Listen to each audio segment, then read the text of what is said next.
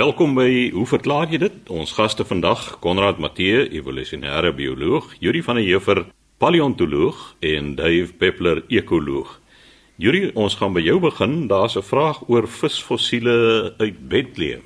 Chris, 'n brief van Eben Meets waarin hy twee vrae vra. Ek sal die eerste een nou kyk. Hy sê lank gelede, so om en by 1890 het my oupa Albert by die Bethlehem op Meierskop in een sandklip skeur hoog bo die grondklakke uitsteeksel in die sandklip gesien het opgeklouter dit afgebreek en dit was 'n visfossiel. Nou wil hy weet wat gaan hier aan. Wel, eben Bethlehem is geleë in die Clarence formasie en daar is inderdaad baie sandstene daar dit vorm deel van die Karoo supergroep van gesteentes. En as ons na hierdie afsettings kyk, sê maar van omtrent Sutherland af tot by Golden Gate, dan sien 'n mens uit die geologiese agtergrond dat daar 'n geleidelike verdroging gewees het, 'n uitdroging van die klimaat sodat ons by rondom Sutherland kry nou afsettings wat tipies kom vorm deur riviere, rivierafsettings, sandstene en modderstene.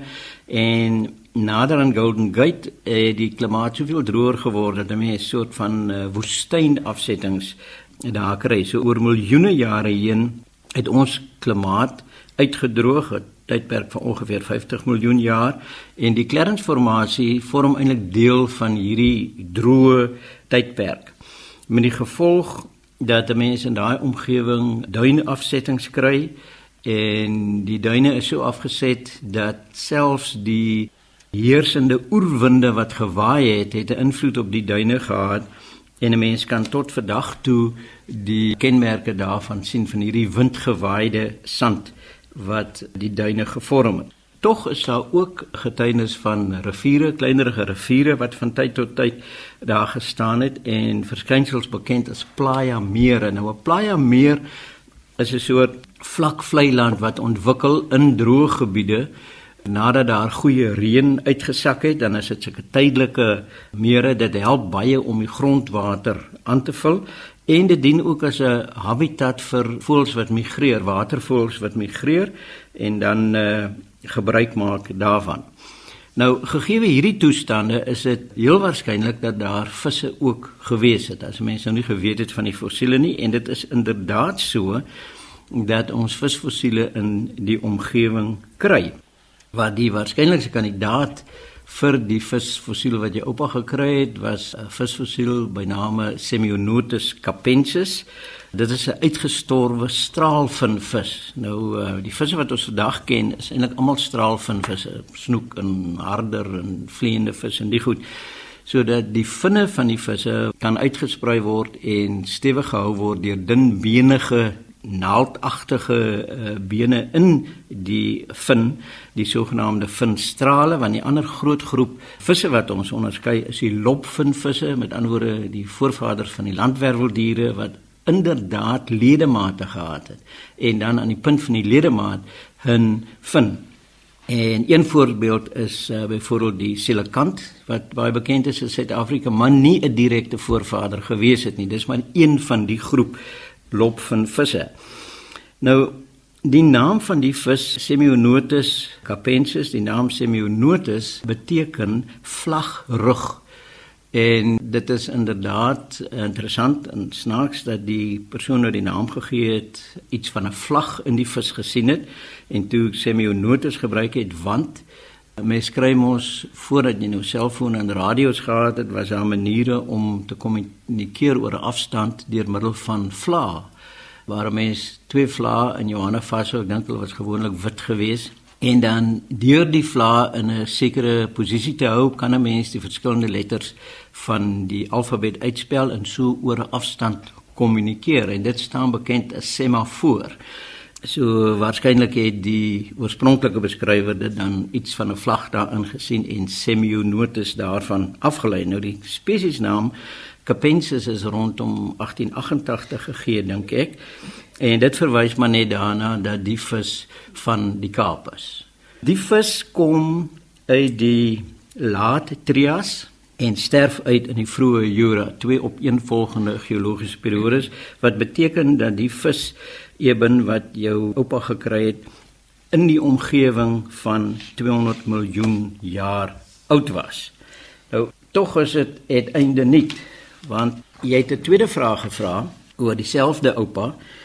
Hy sê van die baie sandklip, sandsteen wat hulle in die Oos-Vrystaat kry, het sy oupa hulle by 'n geleentheid 'n klippe gaan kap Binne in een klip het hulle 'n soort kokon gekry en die kokon is toe oopgekap omtrent so groot soos 'n lekker gebalde vuis met die oopkap kom 'n lewendige padda uit. Die padda het nou so ure wat gevrek. Die kokon was van binne rooierig en half blinkerig en hoe was dit moontlik dat so iets kon gebeur?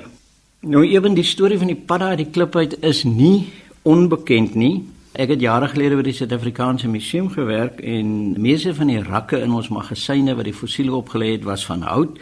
So daar was 'n groot brandgevaar. Dit was voor die nuwe museum gebou is en dan het daar van tyd tot tyd brandblusser inspekteurs gekom om te kom kyk of die goed nog effektief is. Eendag was daar toe twee van die manne en ons is daar in die stoor besig en hulle inspekteer en ek staan rond.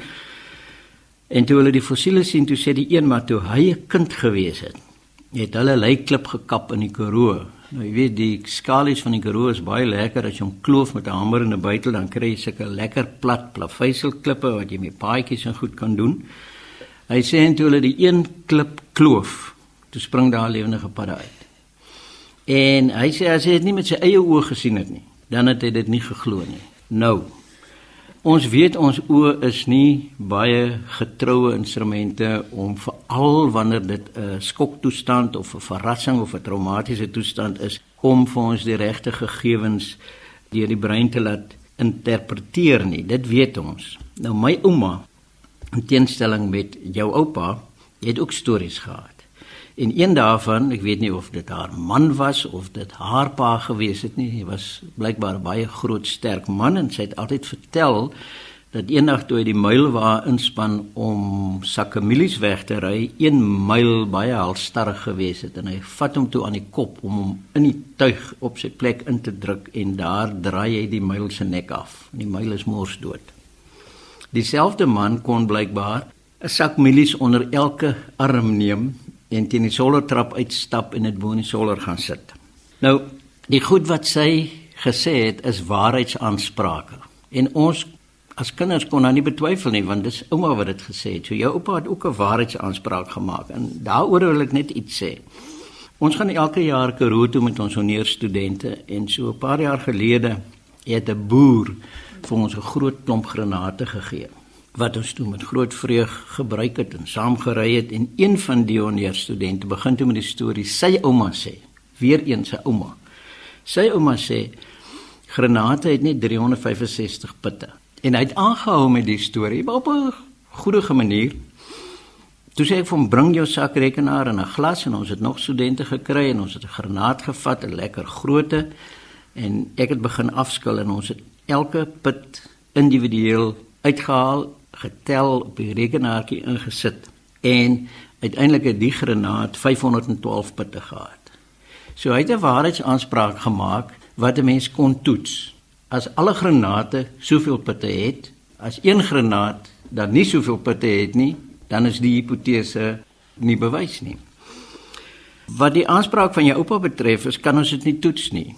Dit is net 'n waarheidsaanspraak wat jare gelede gemaak is, maar Wat ons vandag weet van paddas is dat hulle nie in klip kan oorleef nie.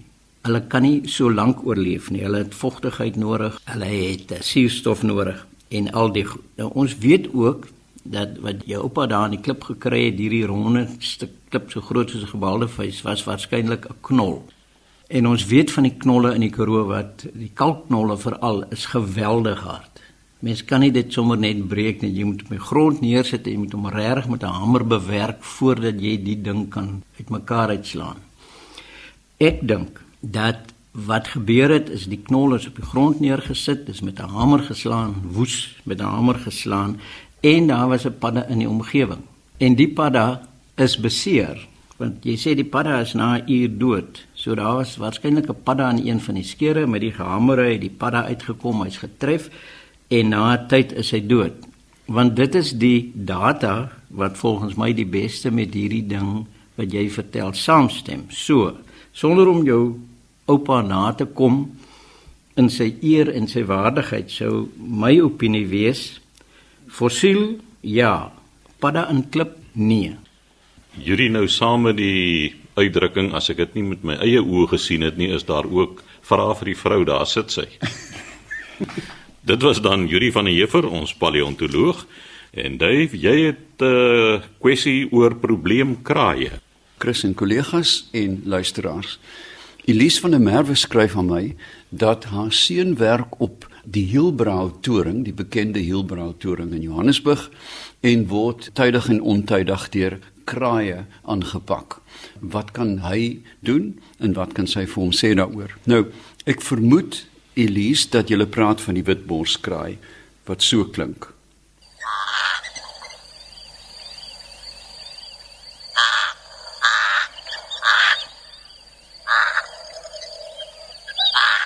Alombekende geluid van hier tot in Sudan en ai ai die witbos kraai hier vandaan na Mosselbaai is letterlik waar dat hulle kom baie katoliek voor reg oor Suider-Afrika. Ek dink 'n mens moet eintlik die aanhef begin met die konsep van 'n probleemdier. Wat is 'n probleemdier? Natuurlik ons het ook probleemplante. En dit is se uh, diere en plante wat die bedrywighede van die mens skade aandoen of belemmer as ons dan na voëls kyk, dink 'n mens byvoorbeeld aan die Europese spreeu, die mossies, die Indian myna wat deesdae baie vinnig oor die land versprei, kolganse wat skade aan gesaides aanrig, meeue wat jou halwe hamburger uit jou hand uit eet as jy by die see sit en 'n hele klomp ander hadidaas wat uh, jou motor en huis bemis. Wat doen 'n mens as jy 'n probleemdier het en veral met voëls? Jy kan dit probeer eerstens voorkom so volgende lysie van nie in 'n korrekte rangorde nie, maar verwyder rommel want kraaie veral is natuurlik die hyenas van die lug en sal letterlik enige iets eet wat hulle in die hande kry. Staande water en ek praat nie van 'n visdam of 'n geplaasdam nie, maar probeer dit dreineer want dit lok altyd voëls en met hulle kom natuurlik 'n hele leerskare van voëls wat kan skade aandoen. Moet om vadersnaam nie probleem voëls kos gee nie. Daar is um, ongelukkig 'n groep mense wat dink alle diere is heilig. Dink na die onlangse uithaal van takbokke en Europese konyne op Robben Eiland. Dit was 'n aardige gemors want daar is dadelik uh, drukgroepe, die konyngroep en die takbokgroep en gesê hulle lewe al so lank. Daar is 'n Himalaise taargroep, toe hulle die probeer uithaal het, en ek is doodseker daar's ook 'n ekoring drukgroep. Moenie die goed kos gee nie, want jy maak die saak net erger.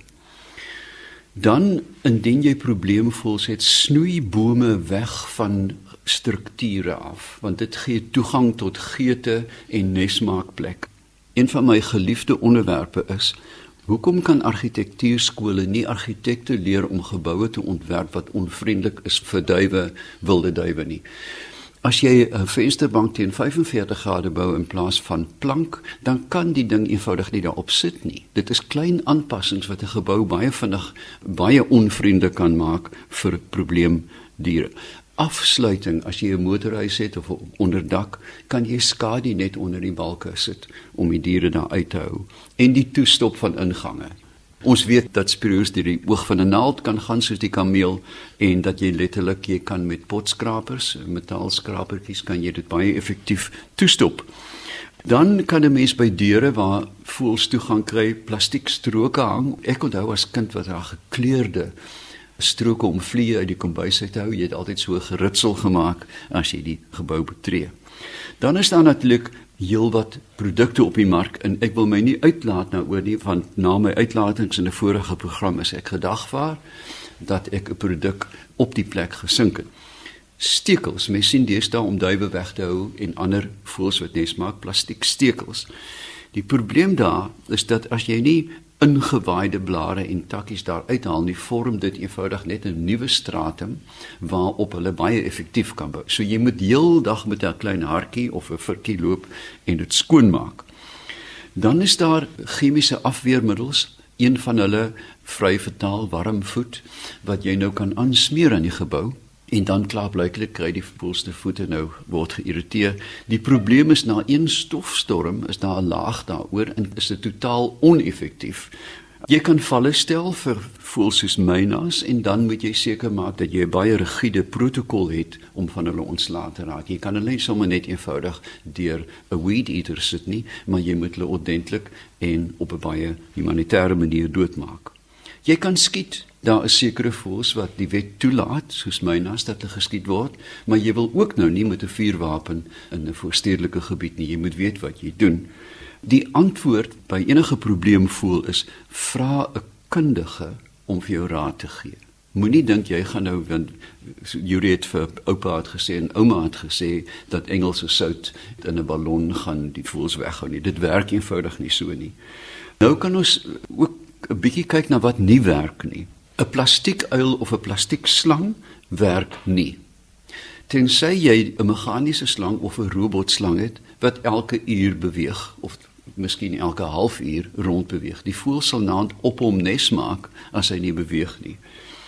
Klank en ligmiddels. Daar is heelwat middels ultrasoniese klank vir beide voëls en knaagdiere. Ek het 'n baie ongekontroleerde eksperiment jare gelede gedoen by die fakulteit Bosbou waar ek 'n leekamer met gewone Noorse rotte gevat het en een van die klankapparate daar ingesit het by 'n kosbak. Die rotte het hysteries geraak vir die eerste minuut en binne 'n uur in die volle gloed van die straal lekker sit en eet want hulle raak dit eenvoudig as agtergrondgeluid gewoon. En ons weet ook van karbietskieters, die goed wat soos 'n kanon afgaan.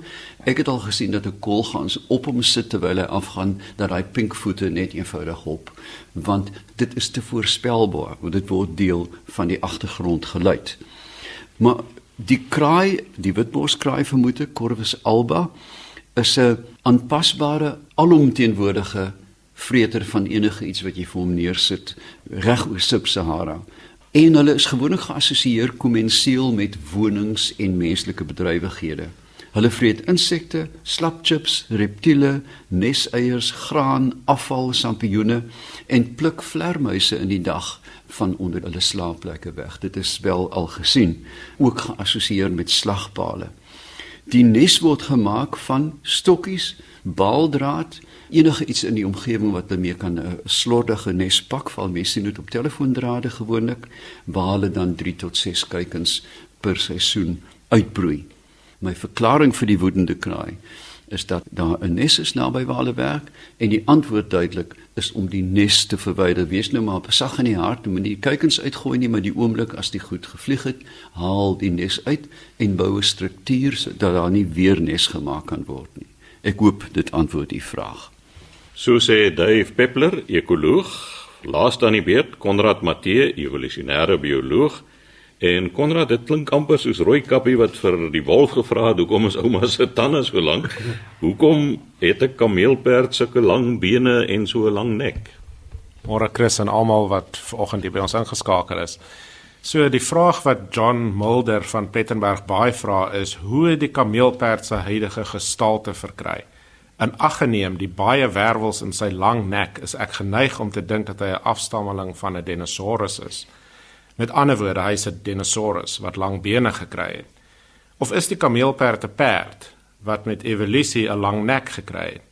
Dit is moeilik om te voorsien aangesien hy dan met verloop van tyd dikwels ekstra wervels in sy nek moes bygekry het. Was daar ooit fossiele gevind wat aantoon hoe die kameelperd sy lang nek en bene gekry het? John, baie dankie vir hierdie vraag. Jy raak 'n hele paar dinge aan hierso wat ek graag soos volg sal wil antwoord. Eerstens, die kameelperd is nie 'n afstammeling van die dinosourusse nie. Die dinosourusse waarna jy spesifiek hierso verwys is seker die sauropoda, die met die lang nekke wat gras gevreet het in die Jurassic Park, die blare hoog op die vriendelikes in Jurassic Park. En Hulle het natuurlik baie nekwervels gehad, net soos die voëls en die reptiele vandag ook nog heelwat nekwervels het. Swane het byvoorbeeld 22 tot 25 nekwervels.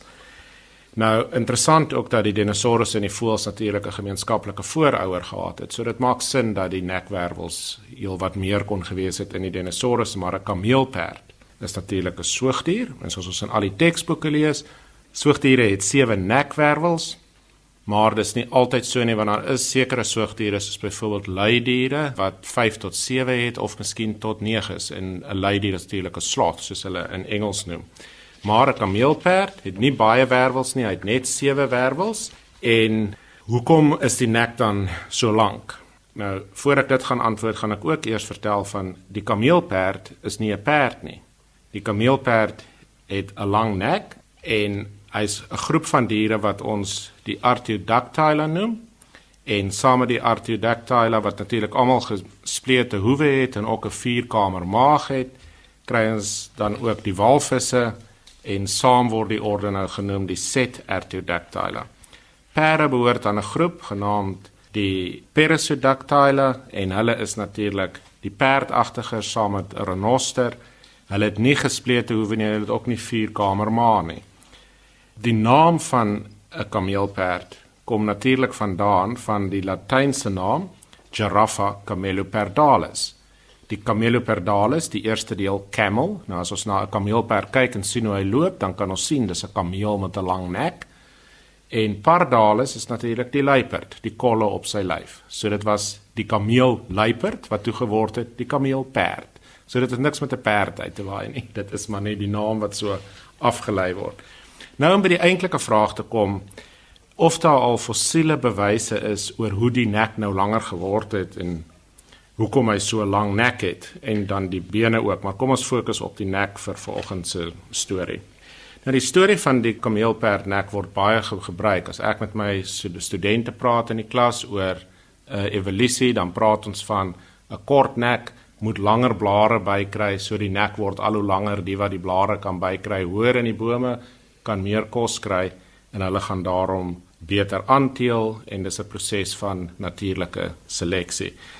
Nou wat die kameelperdnek ook natuurlik doen is dit dit help ons ook om byvoorbeeld die twee evolusionêre bioloë of skole soos byvoorbeeld uh, Lamarck wat gesê het hoe die nek so lank geword. Hy sê byvoorbeeld gesê het die kameelperd wil die boonste blaartjie kry sal uitstrek en op die punt van sy tone staan om daarby uit te kom en oor tyd met kragte gaan hy 'n langer nek ontwikkel. Die met die bietjie langer nek gaan dit oordra aan hulle nageslag om ook 'n langer nek te hê.